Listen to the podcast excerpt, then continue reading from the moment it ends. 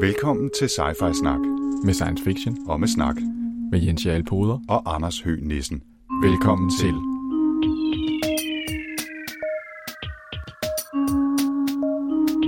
You're traveling to another dimension.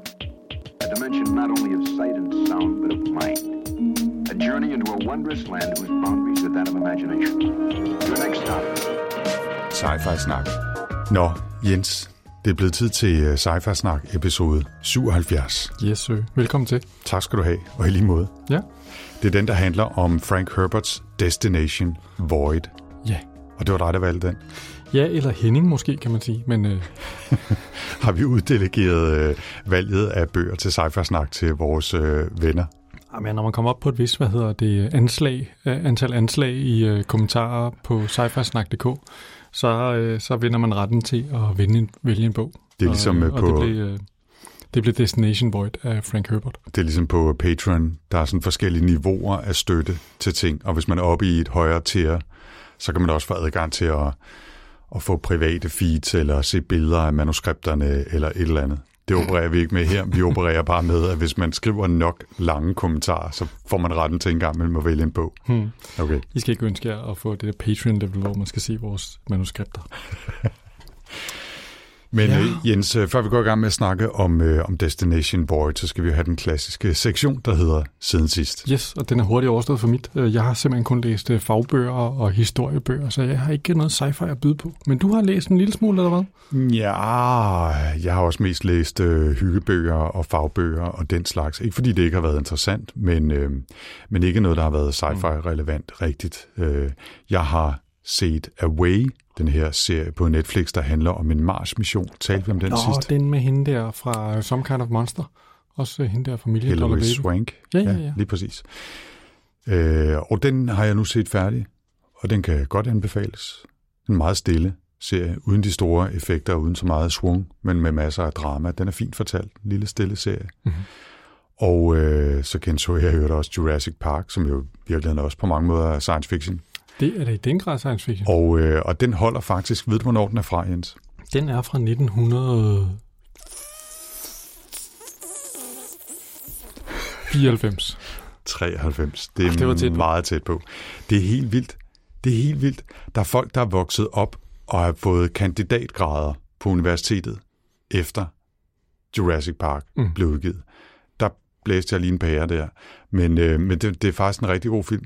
Det Og, er øh, jo ligesom den, og så Terminator 2, der ligesom var sådan den store CGI-gennembrud, ikke? Lige præcis. Mm. Og nu skal vi ikke fortabe os i detaljer, men nu kommer jeg lige til at sige kandidatgrad. Og øh, det minder mig om, at vi to har engang gået på universitetet. Fik vi nogensinde gjort vores kandidatgrad færdig? Jeg gjorde ikke. Jeg ved Heller ikke med dig. mig. Ikke mig. Er, er du heller ikke blevet færdig? Det er Nej, sjovt, nej. det har jeg altid troet ind i hovedet. Nej, jeg slog ud, og så lavede jeg noget andet. Okay. Jeg tog en mastergrad. Nå ja, det er rigtigt. Du tog en master. Du, du er snydt lidt. Men, men, øh, men Prøv, jeg, lige, prøv lige at tage et øh, universitetsstudie, mens du arbejder fuldtid, og kalde det snydt lidt en gang jeg har faktisk lige skrevet en ansøgning om præcis det. Det kan vi vende tilbage til en anden god gang. Okay, det har ikke noget med sci-fi snak at gøre. Jeg vil bare sige, at noget af det, jeg beskæftigede mig med på overbygningen, før jeg droppede ud og begyndte at lave øh, radio i DR, det var lige præcis at skrive en opgave om CGI, computerskabte effekter på film. Fordi det var virkelig, virkelig spændende lige i den periode, med netop Terminator 2, Jurassic Park øh, og den slags. Så det, det skulle altså have været mit speciale, hvis jeg nogensinde øh, var kommet så langt. Men lige meget med det, ikke så meget andet sci-fi end altså Destination Void i den her omgang, og så lidt øh, kiggeri. Skal gengæld øh, har der været lidt opfølgning på sidste episode af Sci-Fi Snak, hvor vi jo øh, behandlede, skal vi sige det, Inge Eriksens luderen fra Gomorra. Ja, hun fik en, øh, en ordentlig tur. Øh, og altså, der var jo... Øh, vi var måske lidt nervøse, ikke? Fordi vi tog fat i det her, som stod som et hovedværk i dansk sci-fi. Det, det var i hvert fald det, jeg havde researchet mig frem til, og det måtte det være. Mm. Øh, det viser sig, at rigtig mange mennesker synes ikke, at det er et hovedværk overhovedet. Øh, muligvis ikke engang et værk. øhm, Eller et hoved. Øhm, i virkeligheden, altså øh, noget af det, som for eksempel øh, Nils skrev om, ikke? Øh, øh, han var lettet over, at vi gav den en ordentlig røffel, skrev han. Og at det nærmest havde været sådan en katarsisk oplevelse, at vi havde svinet den til. Han gav den selv to stjerner og skrev, på grænsen til det ulæselige univers. At der, der var generelt øh, enighed om, at det ikke var nogen let eller nogen særlig god bog. Øh, Malte, som jo også er, er fast lytter, hej Malte, øh, han gav en stjerne, og ligesom mig måtte han også give op. Ja, altså det der med at være øh, kommet helt igennem den, det var sådan et, øh, et tema, kan man sige, Majbrit, øh, som også øh, kommenterer hyppigt. Hun, øh, hun var lidt ærgerlig over, at det lige var luderen for Gomorra, der skulle øh, repræsentere dansk sci-fi, det er det jo heller ikke. Vi skal nok komme tilbage til dansk sci-fi en gang. Jeg har faktisk så lige været nede og hente to danske science fiction bøger på biblioteket i papirform. My goodness. Vildt. Ja. Så hun synes, vi skulle til at læse Johannes Springborg, i stedet for, ja. og muligvis Havet er Erwin Neuske Wolf, selvom hun er lidt i tvivl om, om det overhovedet var sci-fi. Okay, så, så tror jeg ikke, det er det, vi starter med i hvert Mm. fald. Men øh, der var, jeg tror, det var Fleming, jeg står der i mine noter, at øh, han sammenlignede lidt med Doris Lessings øh, Shikasta, Ja. og, og var lidt ude efter det der med folk, der skriver virkelig øh, altså god litteratur, og så tror, at de også lige kan tage en tur med science fiction, og det er ikke altid det match er super godt. Og det var lidt den samme fornemmelse, han havde med, med Inge Eriksen. Ja, det er faktisk meget godt det der. Altså, vi, jeg faktisk ærgerede mig, det skrev også på øh, svaret, der skrev på sci-fi-snak.dk, det ærgerede mig helvede til, for jeg havde faktisk tænkt over Sikasta af Doris Lessing, ikke denne her øh, Nobelprisvindende forfatter, som så skriver sådan en, altså synes jeg, virkelig dårlig, undskyld Adam Savage, virkelig dårlig science fiction bog. Ja, så, nå, så de kom ikke med høtyven efter os. Det var, Nej, der var, en, der var en enkelt, der refererede til Høtyve på, øh, på Goodreads, Ja. men, øh, men jeg tror, det var med et stort glimt i øjet. det, øh, Eller også har vi lige ramt den, den fan, der var derude, fordi jeg, jeg, jeg, havde, sådan, det tror jeg ikke, det var. jeg havde sådan en fornemmelse af, at, øh, at vi repræsenterede folkestemningen meget godt med vores lidt, lidt opgivende Ja, behandling af den. Den, Ja, ja, den var jeg, jeg bliver aldrig rigtig færdig med den. Jeg skimmede mig, som man måske vil huske igennem den, men øh, jeg har simpelthen undladt at give den stjerner, det har jeg stadigvæk ikke. Den står bare som læst. Men ellers er det, det- der har jo været, øh, der har været sku, der er, øh, stor ros til sci-fi-snaklytterne. Altså, der er gang i den inde på, øh, på Goodreads. Nu er der øh, gang i en øh, debat om øh, forslag til, hvis man nu har en søn på 13 år, hvad skal man så øh, introducere ham for af science fiction-snak? Mm-hmm. Eller science fiction-læsning? Ja. Øh, måske også fordi man tænker, man kan ikke lige stå, stoffe alle de her engelske bøger efter ham. Nej. Så, øh, så det, det, det, det er der kommet mange gode bud på. Jeg selv bød ind med øh, Doom, som jo hedder Klit på dansk. Mm. Play of Games, som hedder Spilleren på dansk. Ja, det skal vi ikke komme til. Aha. Neuromancer, som hedder Neuromantiker, og iRobot, som hedder Robot på dansk. Ja. Men ellers så øh, Peter, nævner også øh, Gene Wolfe, Den nye sol. Rendezvous med Rama og Klodernes kamp, og håndbog for Vakse Galaxeblaffer, foreslår Søren. Og det var sådan lidt vildt, synes jeg. Det var et stykke ned af diskussionen, at øh, håndbog for Vakse Galaxeblaffer dukker Jeg skulle lige til at sige, at den havde nok været mit første valg. Det, jeg tror lige præcis, jeg har været 13, måske 12, da jeg læste den første gang. Det var også sådan et, øh, da jeg så det, det var sådan et facepalm moment, hvor ja. Man tænker, hvorfor, det var det oplagte valg. Ja, det vil jeg også nok sige. Og, og det er jo sådan en, hvor altså selv hvis man er 13 og ikke nødvendigvis pløjer bøger på engelsk ned, så kan man sagtens læse den. Altså, Ja. ja. den er ikke avanceret på den måde. Nej. Øh, den er til at gå i gang med. Men jeg, jeg tror faktisk, jeg startede med de der Jesper Klein øh, oversættelser, tror jeg det var, ja. øh, i begyndelsen. Altså ham, der netop fandt på titlen håndbog for Vakse Galaxeblaffer. Der var en lang, øh, jeg tror det var Søren, der lavede et indlæg om, at, øh, ej, var det? Det var en anden måske. Mm. Nå, men der var i hvert fald et indlæg om øh, varie- forskellige udgivelser og oversættelser af Hitchhiker's Guide to the Galaxy. øh, ja, jeg, jeg læser dem jo på engelsk nu, så det, jeg kan ikke... Øh, Nej. Jeg kan ikke øh, bytte med det. Der var Nej. også øh, et øh, forslag på Pia, øh, fra Pia om Enders strategi, som Ja, øh, hvad ja. den? Enders Game. Enders den Game, ja. Orson Scott Card. Mhm. En, en bog, som jo er, så vidt jeg ved, øh, lidt, lidt problematisk nu, ikke? fordi øh, Orson Scott Card jo ikke ligefrem har vist sig at være Altså, han er tid, sådan en på, den, slags, på den rigtige side af historien, vel? Han er Men- sådan en slags øh, Rush Limbaugh, bare mere ekstrem. Ja, men det er fandme en fed bog. Altså, ja, det er også, ja, jeg prøver, vi bliver nødt til at holde kunst for sig, og idioter, der skriver bøger for sig. De to ting. Altså, man kan godt være en kæmpe idiot, og så kan vi stadigvæk godt øh, mm. synes, at kunstværket er okay. Ja. Det bliver vi simpelthen nødt til, fordi ellers er der simpelthen for meget, vi ikke kan læse. Mm. har vi egentlig har vi læst Enders Game i sci Nej, det har vi faktisk Det har vi ikke. Den, den er aldrig Mm. rigtig noget på Det listen. kunne være interessant at tage den op igen. Mm. Den betød meget for mig der tilbage i sådan noget 14-15 års alder. Jeg synes, det er en fed bog. Nå, Øh, og ellers så er der faktisk, øh, nu, nu er der startet en ny liste derinde, så det er liste, Listmania på Goodreads okay. øh, diskussionsgruppen. Sci-fi-liste, den nye podcast fra... Ja, mm. nu, nu, øh, nu handler det om guilty pleasures, altså det her med at læse en bog, så man er godt er klar over, at det her det er ikke stor litteratur. Mm. Men øh, det, er noget med, øh, det er noget med rumraketter, og det er sgu faktisk meget fedt. Okay. Øh, Nå, jeg, har ikke skal- med, jeg har ikke taget dem alle sammen med, men øh, hvor Kosikas-sagaen bliver nævnt af Søren. Og den kan jeg godt, den har jeg jo læst noget af. Den synes jeg faktisk er meget fed. Okay. Den kender jeg slet ikke. Om det er øh, Dane Moran, og øh, jeg er stor Ah, fan af. okay. Hans, øh, hele hans, den der nye serie, han har lavet, den er stærkt øh, inspireret af den Louise McMaster Buchholz, hedder hun. Og det er altså 10 bøger eller sådan noget, og alle sammen er blevet nomineret til Hugo, så hun har en kæmpe fanskar. Okay, det lyder ikke rigtig som guilty pleasure. Det lyder nærmest bare som... Jeg synes faktisk også, jeg synes, de er okay, men Mm. det er sådan en serie, og sådan, altså... Ja, det kan man måske godt sige. Okay. Okay. Men, men det er lidt det der, det, der, der var nogen, der var... Altså, jeg sad og nævnte... Jeg sad og tænkte, om jeg skulle nævne Expanse-serien, for eksempel, ikke? men det synes jeg faktisk også er ret gode bøger. Mm. Og det var sådan meget det, der var diskussionen inde i den lige nu, det er, hvis man synes noget rent faktisk er meget godt, kan man så sige, det er en guilty pleasure. Mm. Jeg synes, øh, øh, hvad hedder det, Janus havde et meget godt bud med øh, Neil Ashers Agent, Mac, øh, Agent Cormac-serie, som er sådan noget James Bond i rummet. Aha. Ja, så øh, hvis man Ja, har nogle gode bud der, så, så er vi nogen, der godt kan bruge noget sommerferielæsning. Ja, der, der er god tid til, vil jeg sige, men, så. men øh, vinterferielæsning, jo, efterårsferielæsning, hvad, det- hvad det nu er. Ja.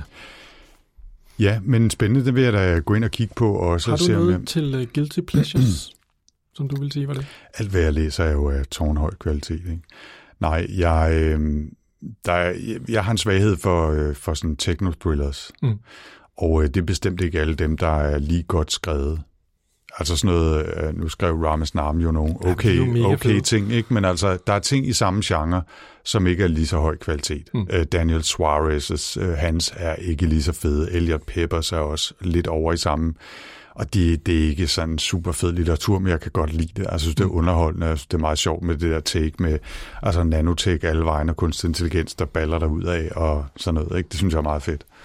Jeg er nemlig tit ude i andre genrer, ikke? så er jeg ude noget fantasy måske, når det er Guilty Pleasure, så læser jeg Terry Pratchett, eller, Ja. øh, eller hvad hedder det, sådan noget, Dine fjenders fjende, sådan noget spion, Mm, mm, ja. spion-ting. Ja, krimier, det er også det er sådan lidt over, det, det er lidt over i den der kategori for mig. Mm. Guilty pleasures. Jeg har ikke så meget sci-fi øh, i den stil.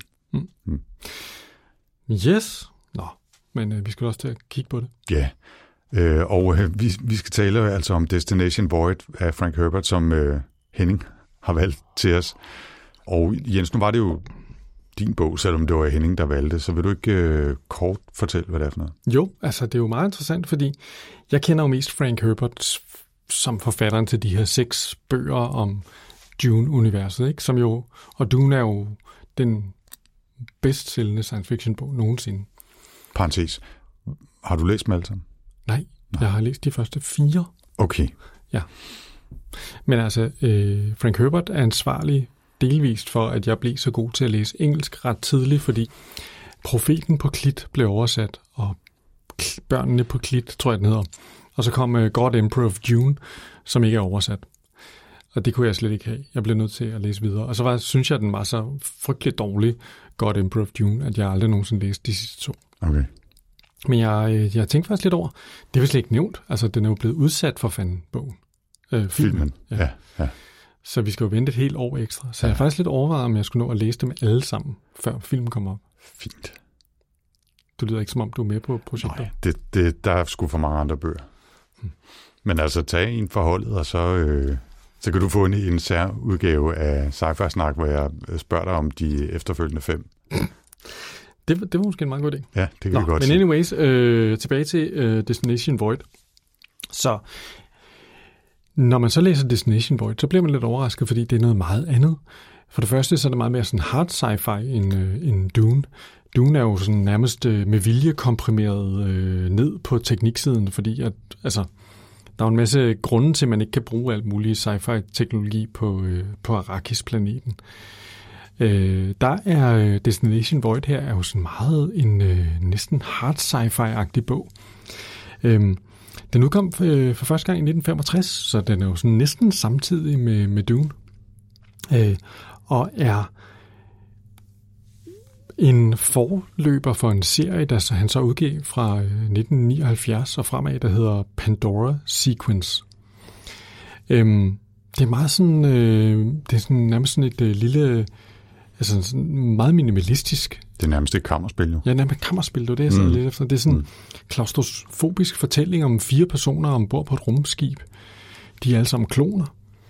Og de er blevet sendt ombord på den her Earthling 6, øh, som er sådan en, øh, en, øh, en ekspedition til Tau Ceti, hvor der skulle være nogle planeter efter sine som øh, de skal kolonisere, og der er en masse folk i nogle sådan nogle, øh, de er frosset ned sådan, øh, i sådan nogle hibernation tanks. Mm. Og problemet er jo så, at øh, de her hjerner, som øh, er blevet installeret, altså sådan nogle menneskehjerner, som der ligesom er sådan nogle ledninger ind i, forestiller mig, mm-hmm. som egentlig skulle styre rumskibet, de har alle sammen mere eller mindre begået selvmord.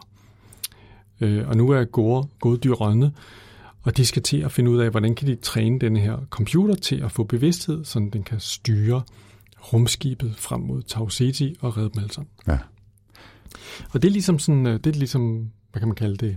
Det er ligesom øh, problemet eller præmissen for, for fortællingen. Ja. Men altså, så finder man jo hurtigt ud af, at der er temmelig mange intriger og hemmeligheder, fordi øh, en stor del af det er, at de snakker med hinanden, og så kan man sådan hele tiden, øh, man følger alle karaktererne, også deres indre monolog. Øh, så man kan hele tiden sådan høre dem fortælle om, hvad de tænker om de der interaktioner, de har.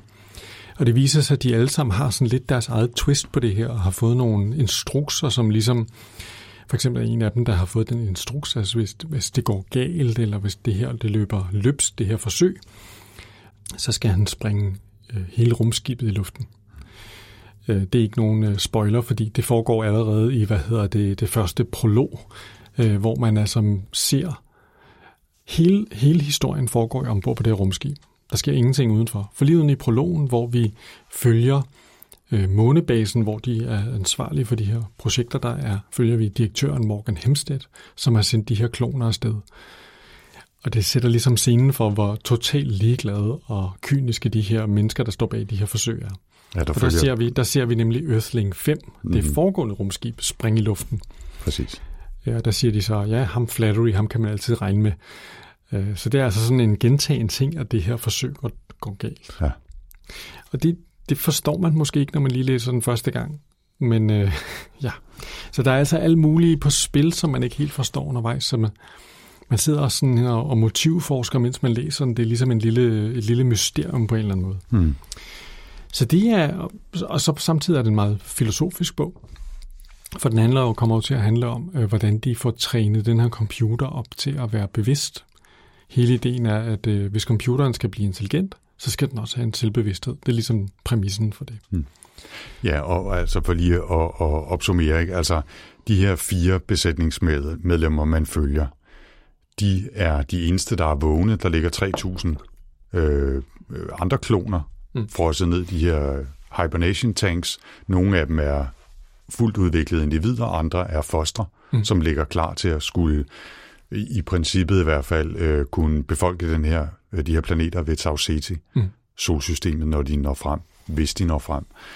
Øh, og de her fire forskellige karakterer skal forsøge at, øh, at redde situationen efter, at de her hjerner, som, øh, som hedder noget så fantastisk som Organic Mental Cores, eller OMCs, det er den eufemisme, de bruger for at dække lidt over, at det i virkeligheden er menneskehjerner, der er installeret som kernen i de her kunstig intelligente systemer, ikke? eller noget, der, der, der i hvert fald fungerer super avanceret, som, som de her skibscomputere. Mm. Og de, de, de dør, øh, og som du sagde, de slår nærmest sig selv ihjel, de her tre hjerner, eller OMCs, som var installeret i starten. Og så får øh, vores fire venner på, på, på øh, skibet her, altså besætningen, de får en besked ned fra månebasen fra, fra Morgan Hempstead, er det ikke det, han hedder?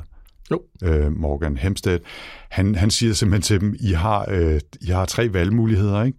Altså, I kan vende tilbage til basen for at blive repareret, mm, som om helt sikkert, øh, det kommer ikke til at ske. I kan også øh, prøve at flyve videre til Tau Ceti, bare meget, meget langsommere, og øh, blive sådan et generation ship, og det er heller ikke sikkert, det kommer til at ske. Eller I kan vælge at bygge en ny skibscomputer, som skal have en bevidsthed, så den kan overtage styringen af skibet.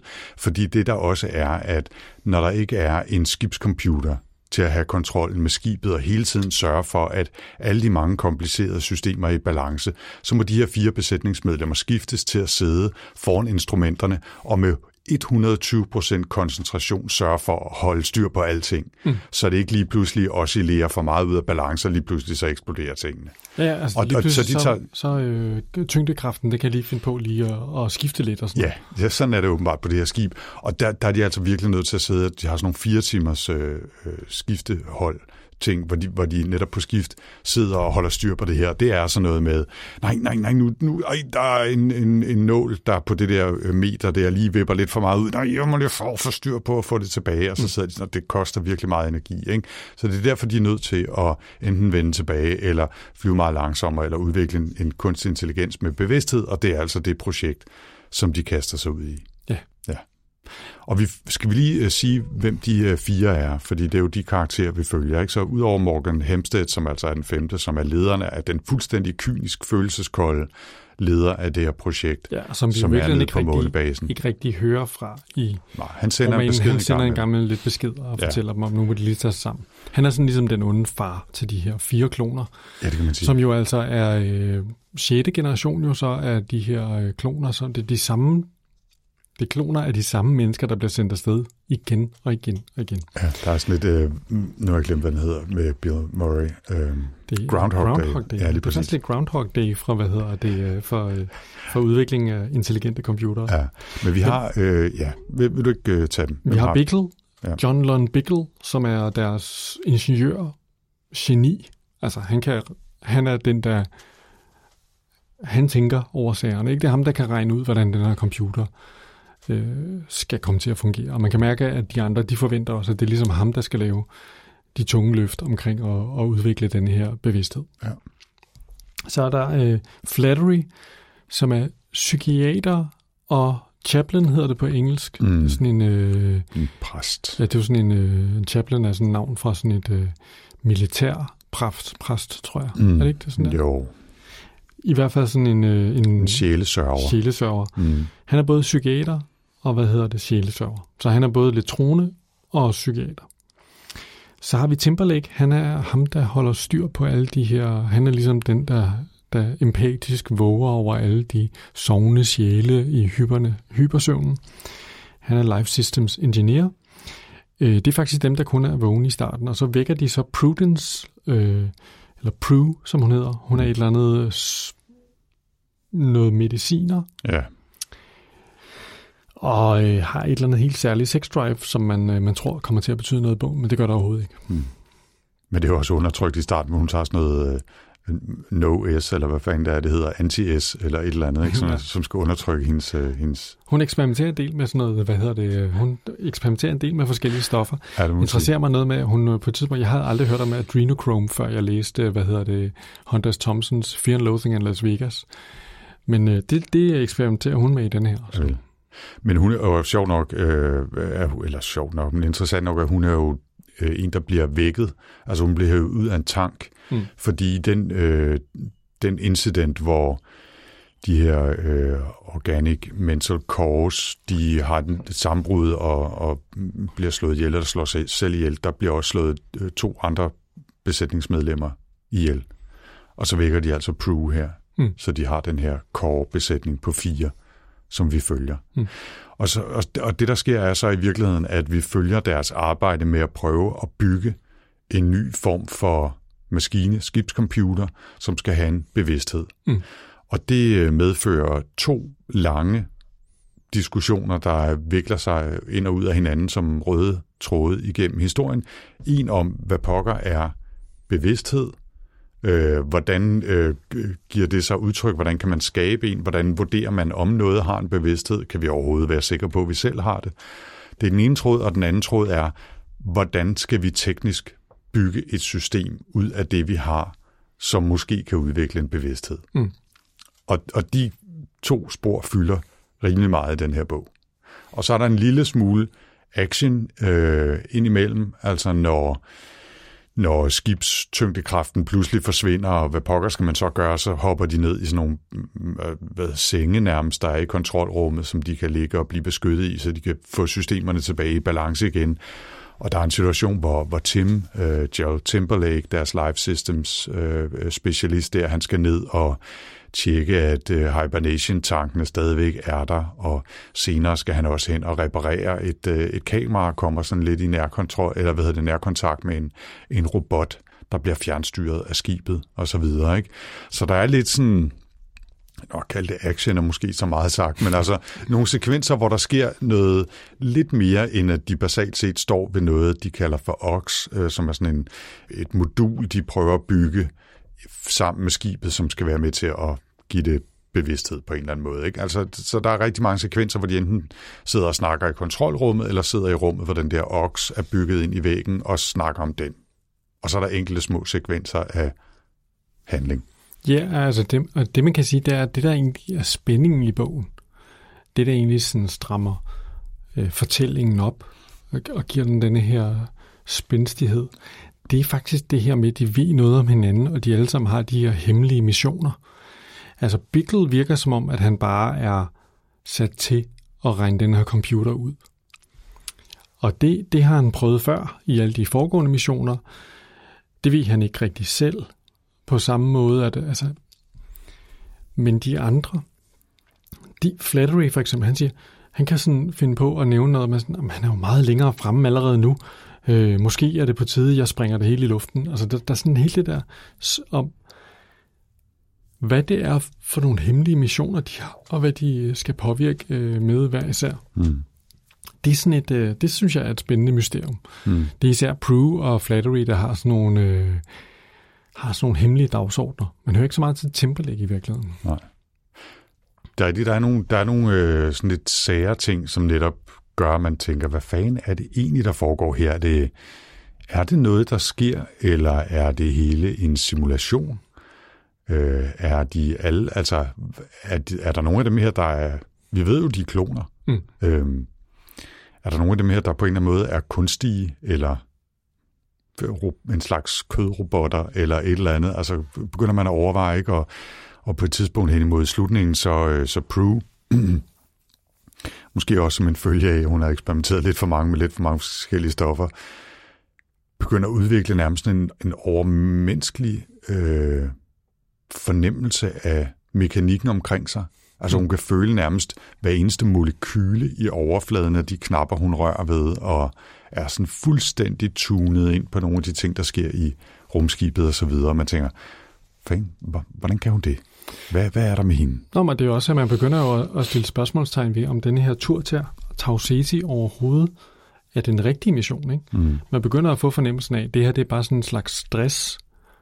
Det her det er som en ond far, som har kastet os ud i hvad hedder det, den dybe ende af hvad hedder det, swimmingpoolen mm. for at lære os at svømme. Ja. Og så siger de så, jamen, en forælder, der kaster os ud i den dybe ende, vil vi svømme tilbage til dem, når de sidder og overvejer, om de så skal svømme? Ja. Men, det, men det bliver rimelig hurtigt eksplicit, at de jo ved, at for at overleve det her, så er de nødt til at udvikle den her kunstige bevidsthed. Mm. Og, og altså, jeg kan ikke huske præcis, hvor eksplicit det bliver, men det forekommer mig, at det er rimelig tydeligt, at de godt ved, at det her det er et projekt, de bliver presset ud i. Ikke? Ja, ja, og det er, jo, altså, det er jo allerede fra start, at det er meget tydeligt, at kloner, de er ikke mennesker. De er bare ejendom. Så de er jo sådan en slags slaver, som bare skal, hvad hedder det, øh, som bare kan bruges øh, fuldstændig. Øh, altså det, det har ikke nogen betydning for, øh, for projektet, hvis de skal gro et nyt sæt kloner, og det er de udmærket klar over selv.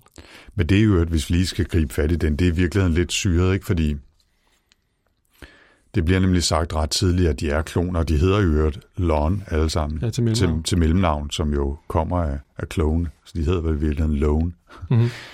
øhm, til mellemnavn. Og, og, og det bliver nemlig sagt, at de er ejendom.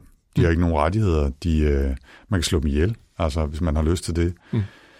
Men der, der, jeg ved ikke, om jeg vil sige, at det er et stort hul, men det er i hvert fald noget forhistorie. Man mangler rimelig meget at finde ud af, hvordan kan de her kloner blive så kloge og dygtige og have så meget personlighed, og hvorfor er det præcis det samme, som de, man må formode de tidligere udgaver. Fordi det blev jo mere end antydet, at de Så- nærmest er, er, det, er den samme som den tidligere generation. Ikke? Jamen, som jeg så forstår det, så denne her måde at klone, så er det som om, at de får det fulde erfaringsmateriale med. Altså, det er ikke bare en genetisk, det er også en... En, det er en kopi i virkeligheden. Det er i virkeligheden, ja. Ja. Og, og, det, øh, og, og det er jo lige præcis det, jeg mener med, at, at der, der savner man måske lidt forhistorie Mm. på den, ikke? for at finde ud af, hvordan, hvordan kom han lige frem til det, og hvordan blev det, og hvordan kan man forestille sig et samfund, hvor man kan lave kopier af sig selv, og så bare behandle dem som ejendom, hvis de har præcis de samme tanker, og den, præcis den samme viden, og præcis den samme forhistorie, som man selv har. Men lad det nu ligge. Det er ikke nødvendigvis noget, vi skal grave meget i. Det var bare en af de ting, jeg tænkte, hmm, det, okay, Nå, men så er det den verden, vi er i, men det vil jeg godt have vidst noget mere om. Ja, altså det kunne være interessant at høre, men det er jo bare en, i virkeligheden her i historien er det jo bare en præmis for historien. Og sådan, Ja, ja.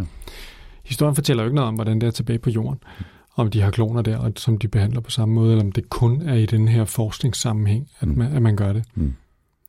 Det er jo som om, at de er nogle meget specielle karakterer, der kan noget helt særligt, ikke? og som man så kopierer for en sikkerheds skyld. Mm. Meget fascinerende præmis, synes jeg, altså, og meget hard sci-fi igen, i forhold til, hvad jeg havde forventet, når jeg skulle til at læse noget Frank Herbert, som jeg totalt forbinder med det her med at rende rundt og, og, og snitte hinanden med knive, øh, på noget, der lige så godt kunne have været en ridderhistorie på, øh, i en ørkenplanet. Mm. Altså, Ja. det, det er ret interessant. synes Ja. Jamen, ja, altså, øh, nu har du lavet et øh, nyt segment i vores øh, manus, som jeg også bare synes, vi skal ophøje til at være et nyt segment i sci snak Det er også på tide her efter, hvad, 78 episoder eller sådan noget, ikke?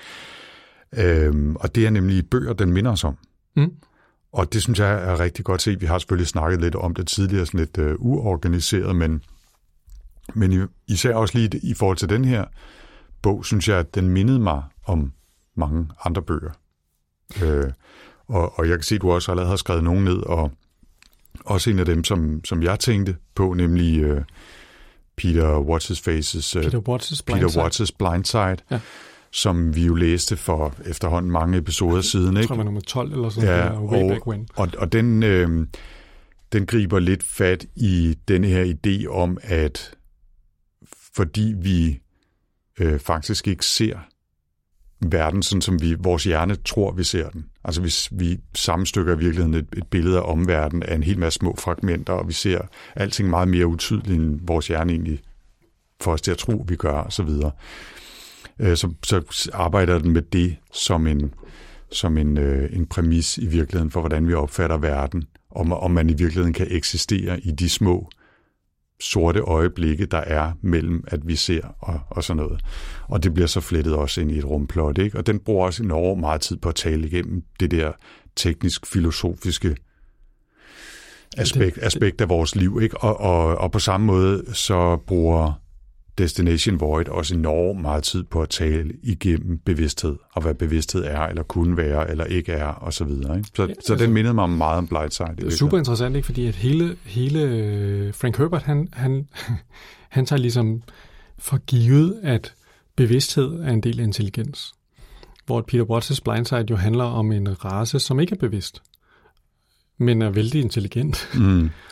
Altså, hvor at hele præmissen i Blindside er, altså udover det her komplicerede fænomen, som man har læst i New Scientific Scientist. American, eller hvad Ja, fanden det er, ja. øh, så er hele ideen i Blindside er jo det her med, at, at bevidsthed er sådan set bare sådan en detur, som intelligens har taget. Det er sådan en, en evolutionær øh, overflødighed Mm. i virkeligheden, ikke? fordi man kan godt udvise intelligent adfærd. Ja, og det er jo sådan Øh, øh, hele, mange af vores, ja. ja. hvad hedder det, øh, mange af vores historier om kunstig intelligente computer, og vores forestilling om, om kunstig intelligens og intelligens i det hele taget, er jo tæt knyttet til bevidsthed. Mm. Og det, det gør jo Frank Herbert jo også her, ikke? Altså, øh, Men du har nogle andre bøger på listen også, som... Jamen, så kommer jeg jo til at tænke på, øh, altså denne her bog ender jo med, at øh, rumskibet bliver intelligent. Spoiler. Spoiler. Øhm, og øh, kommer til at hedde The Ship, som åbenbart, øh, og, og det læser man også i nogle, hvad hedder det, de her citater, øh, den har jo ligesom, hvad hedder det, øh, Dune, så har den også nogle små citater i starten. Øh, her er det så ikke prinsesse Irulan, som har skrevet dem, men det er, hvad hedder det, øh, de forskellige karakterer i bogen, blandt andet øh, øh, Raja Flattery har jo skrevet øh, en masse citater i den fra det, som han kalder for The Book of Ship. Og det er, hvad hedder det, øh, The Ship bliver åbenbart sådan en, en guddommelig nærmest størrelse, som, som kommer til at betyde noget de næste par bøger. Mm. Og så kommer jeg bare til at tænke på øh, de her culture øh, bøger af Ian Banks, hvor vi også har skibene som de her, altså hvor de kunstige intelligenser er, bor ombord på de her kæmpe store skibe, og en kæmpe væsentlig del af betydningen. Det synes jeg var lidt mm. sjovt.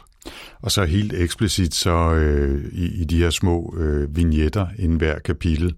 Nogle af dem er fra Morgan Hemsteds øh, manual eller øh, undervisning på månebasen om det her. Nogle af dem er fra The Book of Ship, og så er der også en hel del fra Frankenstein, ja, Mary, Mary Shelley's uh, Frankenstein, som jo altså på den måde også bliver helt eksplicit en referenceramme, ikke? Øhm, og, og, og, og der er mange citater. Det, hvis man ikke har læst den oprindelige Frankenstein, så, så bør man helt afgjort gå tilbage og gøre det, fordi det er jo en historie, der er blevet forvansket på mange måder i populær kultur, ikke? fordi det oprindelige værk er jo faktisk meget filosofisk og, og, og følsom, kan man sige. Ikke? Og, og The Monster får jo, eh, altså gør sig en hel masse tanker om, hvad det er at være blevet født som, som den her underlige øh, puslespilsperson stykket sammen med alle mulige ting, og hvordan det er at vågne og lige pludselig bliver overvældet af alle de indtryk, der, der drøner ind gennem ens sans, uden at man har noget, noget øh, referenceramme for at, at kunne forstå dem eller fortolke dem. Og det, og det er nogle af de citater, der bliver brugt også ikke? som et, en måde at ja, netop i rammesætte deres arbejde med at udvikle en, en kunstig intelligens eller en, en kunstig bevidsthed. Ikke? Så det er jo også en helt tydelig ja, reference, ikke? At, at der er både i virkeligheden Victor Frankenstein-citater og øh, The, the Creature, eller monsterets øh, citat. Og det er jo virkelig en dobbelt, ikke? for man kan jo både sige, at, øh, at øh, ja, skibet bliver et, potentielt monster, som de bygger, men altså, de er jo alle sammen kloner, mm. som jo også er, hvad hedder det, mm. børn af videnskaben. Ikke? Yep. Så det, det er sådan yep. dobbelt, yep. dobbelt konflikt der. Ja. Ellers så kunne jeg selvfølgelig ikke lade være med at tænke på en af mine yndlingsbøger, øh, Han Leckis øh, Ancillary Justice, hvor vi også har skibene, Sort of Justice, eller hvad det hedder. Øh, mm. de, er jo, de er jo simpelthen så fede. Mm. Hvor vi også har det her, også, altså det er fordi, der er en fin scene, hvor at uh, Bickle, han uh, får sådan en hat på, tror jeg, og interagerer med computeren, og så lige pludselig så er han jo helt overvældet af alle de sensoriske indtryk, han får.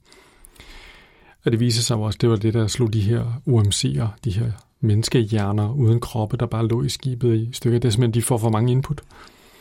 Information Overload mm. fandt Frank Herbert åbenbart allerede på i 1965. Meget sejt gået. Øhm, men, men det er jo også, hvad hedder det, den historie, vi hører. Altså noget af det, som er, er noget af det sjove i en læghisbøger, ikke? den der forestilling om, at vi har den modsatte situation, et rumskib, som er en kæmpe intelligens, som så kun er blevet stoppet ned i en menneskekrop, og som skal vende sig til, ja. at den ikke styrer, hvad hedder det, 100.000 ancillaries og, ja Ja, så rigtig mange ting, og så, den jo, så har den jo hele den der filosofiske, tænkende approach, ikke? Altså, ja. som både minder enormt meget om Blindside, synes jeg, men også om øh, Lems, hvad hedder det, Solaris, ja. som også er sådan en mini med ganske, ganske få karakterer, og hvor man også bare sidder hele tiden og tænker, der er et eller andet eerie her, det er ja. mærkeligt. Hvad, hvad er det, der foregår? Mm. Ja. ja, så mange spændende ting, man kunne tage fat i øh, ja. i den her bog. Skal vi prøve at vurdere den ja. lidt? Hvis jeg nu lægger ud det kan du med at sige, at jeg har givet den tre stjerner. Hmm? Og det lyder jo ikke så meget. Og øh, jeg, jeg står sådan set ved det. Altså, jeg, jeg, jeg kan godt fornemme, at den har nogle ting. Men det, som virkelig øh, trak voldsomt ned i min oplevelse af den her bog, det var, at jeg synes, at de her to tråde, som jeg talte om før. Den ene med den meget tekniske snak om, hvordan man trækker, øh, øh hvad hedder det, neural sheaves eller øh, neuralblokke og sætter dem fast med øh, kabler øh, på den ene eller den anden måde i væggen for at opbygge den her kunstig intelligens. Al den snak, og så al snakken om, hvad bevidsthed er eller ikke er, det fylder et slag på tasken 70 procent af bogen. Og det er nær nonsens halvdelen af det. Altså, det er meget tæt på at være nonsens, hvis det ikke er ravne ligegyldigt. Det, det er i hvert fald sådan noget, det føles sådan lidt som at, hvad hedder det, øh, at læse sådan noget volapyk for sådan en øh, sci, altså sådan noget Star Trek-serie, ikke? Lige præcis. Er der fuld thrust på øh, kapillar, øh, antistof, øh, gravitas, øh, et eller andet? Jamen, Ja, helt sikkert. Øh, vi, øh, vi når øh, eks, eks, explik-punktet nu. Øh, der er maksimum... Øh, Maximum power på, hvad hedder, altså det, Ja, man men der, tænker, det er jeg, jeg, gibberish. ja, lige præcis. Altså sidst, jeg kan huske sidst, at der, der fandt vi et næsten tilfældigt citat fra øh, lyderen fra Gomorra, ikke? for at vise, hvordan den er skrevet. Og jeg fandt et par næsten tilfældige citater, nu skal vi ikke øh, tage for mange af dem, men lad mig lige prøve at læse noget op. Ikke? Such a program could be figured in a matrix functions, he felt. It was something like their hunt for the consciousness factor, trying to trace an exceedingly complex system on the basis of scant data. They could approach it through stacks of linear simultaneous equation, each defining parallel hyperplanes in n-dimensional space. What about that, Prue? he asked. She saw where Bickle's imagination had led them and took a trial run in her mind, visualizing the diagonal entries when they appeared as coefficients of the simultaneous equations. Det er fuldstændig technobabble nonsense. Altså, det Og- i hvert og fald sådan var det, I hvert fald enten så sidder man og tænker, jeg, jeg kan ikke lige koncentrere mig nok om til at forstå det her, eller også så sidder man og tænker, det er noget frøvl. Altså, jeg har, jeg har læst, at han åbenbart, øh, især, han, han skrev den oprindeligt i 65, mm. og så lavede han en opdateret, forlænget version i 78, mm. som optakt til den serie der, som jeg nu har glemt, hvad hed. Det er også lige meget.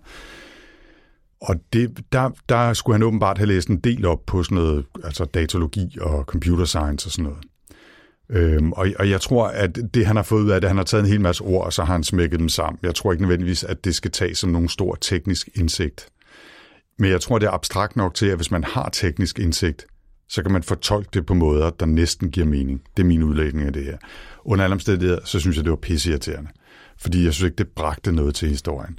Og jeg synes også, alle de der diskussioner om bevidsthed, de føltes på samme måde. Altså, det er jo lidt mere åben for fortolkning, og man kan lidt bedre tænke med, og man kan lidt mere gøre sådan nogle forestillinger om, hvad bevidsthed eller ikke er eller ikke er, uden at have en sådan teknisk baggrund. Så på den måde er det måske lidt mere læseværdigt, men jeg havde lidt på samme måde, at det også bare var sådan noget psycho gobbledygook, babble, et eller andet ligegyldigt. Og jeg synes, de to ting til sammen, en af dem havde været slemt nok, men til sammen så fyldte de simpelthen alt for meget og var alt for irriterende. Det var min oplevelse. Og det var faktisk lidt irriterende, fordi jeg synes, den første, de første 10 sider, synes jeg var super fede, og så tænkte jeg, åh, det bliver fedt det her, ikke? Og så gik det bare i gang med nonsens side op og side ned, ikke? Og så en gang, så var der små øjeblikke af, hey, nå, der, der, hvad fanden er det, der sker? Hvad, hvad er det, Prue ved, som de andre ikke ved? Og, og hvad er det, øh, Flattery skal, som, som vi ikke får noget at vide om før senere? Og hvad er det med ham, Bickel? Det skulle da syret så meget, han ved og kan lige pludselig. Hvad er det, der foregår? Ikke? Og, og små sekvenser, hvor tyngdekraften øh, skifter, og de lige pludselig øh, vælter rundt i kontrolrummet og alt muligt. Og så tilbage til de der crazy lange snakke, hvor de står og kigger på, øh, på neurontråde og hvad det er, øh, og, og snakker om, hvad de kan og ikke kan, og række mig lige skruetrækkeren, nej, det skal være den anden bit og sådan noget. Ikke? Det synes jeg var pisseirriterende. Og jeg ville, have, jeg ville have elsket, hvis den her var 75 sider lang, og de havde skåret alt det der snak ned til næsten ingenting, så havde det, så havde det været en super tight lille øh, lang novelle eller måske endda en 120-siders kort roman. Ikke? Mm. Det, havde, det havde jeg ønsket. Så havde, så havde den helt klart fået fire, måske endda fem stjerner hos mig. Men øh, som det er, så, så, så den, jeg, jeg, læste en, jeg læste en anden anmeldelse af den. Det var en hollænder, øh, der havde skrevet en anmeldelse af den. Øh, det var en meget sjov blog, hvor han har læst mange af de samme bøger, vi har. Øh, og han skrev, øh, at, at det, det sugede simpelthen al fornøjelsen ud af bogen. At, at den var fuld af de der ting. Mm. Og det var, jeg, jeg havde det bare sådan lidt, tak, fordi du siger det, fordi jeg er også en del, er det bare mig, der, er det bare mig, der ikke har forstået, hvor genial den her er, men, men han beskriver meget korrekt min oplevelse af den her, eller meget rigtigt, nemlig at, at de der to ting simpelthen suger fornøjelsen ved at læse den her bog ud af, mm. ud af det. Nå, hvad med dig? Ja, det kan jeg sagtens hugge mig op på. Øh, altså det der med, der er nogle bøger, der, de, de balancerer på en knivsæg, når de gør det der. Ikke? Mm. Altså jeg kan huske, at du vælte jeg havde det jo sådan med Blindside, jeg bare tænkte, at nu orker jeg simpelthen ikke mere at høre om det der latterlige fænomen, du engang har læst en eller anden artikel om. Mm. Og da du så læste, valgte, at vi skulle læse Ekopraxia også, som var hans anden bog, så tænkte jeg bare, Nu stopper du kraft. Edme. Skal vi læse mere? Skal Nu er det læse slut. mere Ikke mere sci-fi snak. Ja, det var, det, var, det var tæt på, det var stoppet der. Øhm, så det kan jeg sagtens huske mig op på, det der, altså nogle gange, når man... Og så nogle gange, så er det jo også enormt fedt. Jeg kan huske, at vi begge to havde læst uh, Solaris, der, der synes vi jo, det var fedt på mm. en eller anden måde. Det var sådan wacko, men, men på en eller anden måde fedt. Og jeg tror, jeg blev fanget på et, øh, på et øh, ben, hvor jeg synes, det var sgu meget cool. Jeg satte mig en dag, og øh, jeg stod op en tidlig morgen, og så satte jeg mig og læste hele lortet i et hug. Okay. Og, og jeg blev sådan lidt fanget af det. Jeg vil også så sige, altså, nogle gange, når jeg sådan, ikke sådan helt forstod det, så var jeg ikke ked af bare at læse det lidt hurtigt, og så bare komme videre. Og øh, jeg, jeg synes, det var fed. Altså, jeg synes, det var mega fed, og jeg elskede hele den der historie om, øh, altså den der opbygning til, at vi får det her. Jeg ved, jeg måske har jeg et eller andet med skib, som er intelligent og sådan noget. Jeg elsker dem også i, øh, altså man sige, den her har jo ikke lige så fede navne, som de har i, øh, i Banks. Dem, dem, Mm. The Ship. Altså, det, det, det er ikke lige så godt, vel? Men, men, Men sådan er så, det. så hvad endte du med at give den? Det tror jeg ikke, vi har fået at vide. Nej, det, jeg gav den faktisk en fem stjerner. Okay. Altså, på en hård dag kunne man måske godt have givet den fire. Mm. Men jeg, jeg havde altså virkelig en, øh, en hyggelig, øh, hyggelig tu- tid med den her. Og øh, ja, måske, ja. Fik han, måske fik han en halv stjerne ekstra, fordi det var Frank Herbert. Men det er også okay. Det må man gerne en gang imellem. Altså, Jeg synes bare, det var så fedt, at det var det der hard sci-fi, som jeg slet ikke havde forventet, og det var sådan en total overraskelse. Det, det, var, det, var, det var sgu fedt. Så jeg, Ja. synes, øh, jeg synes roligt, man kunne læse den her bog.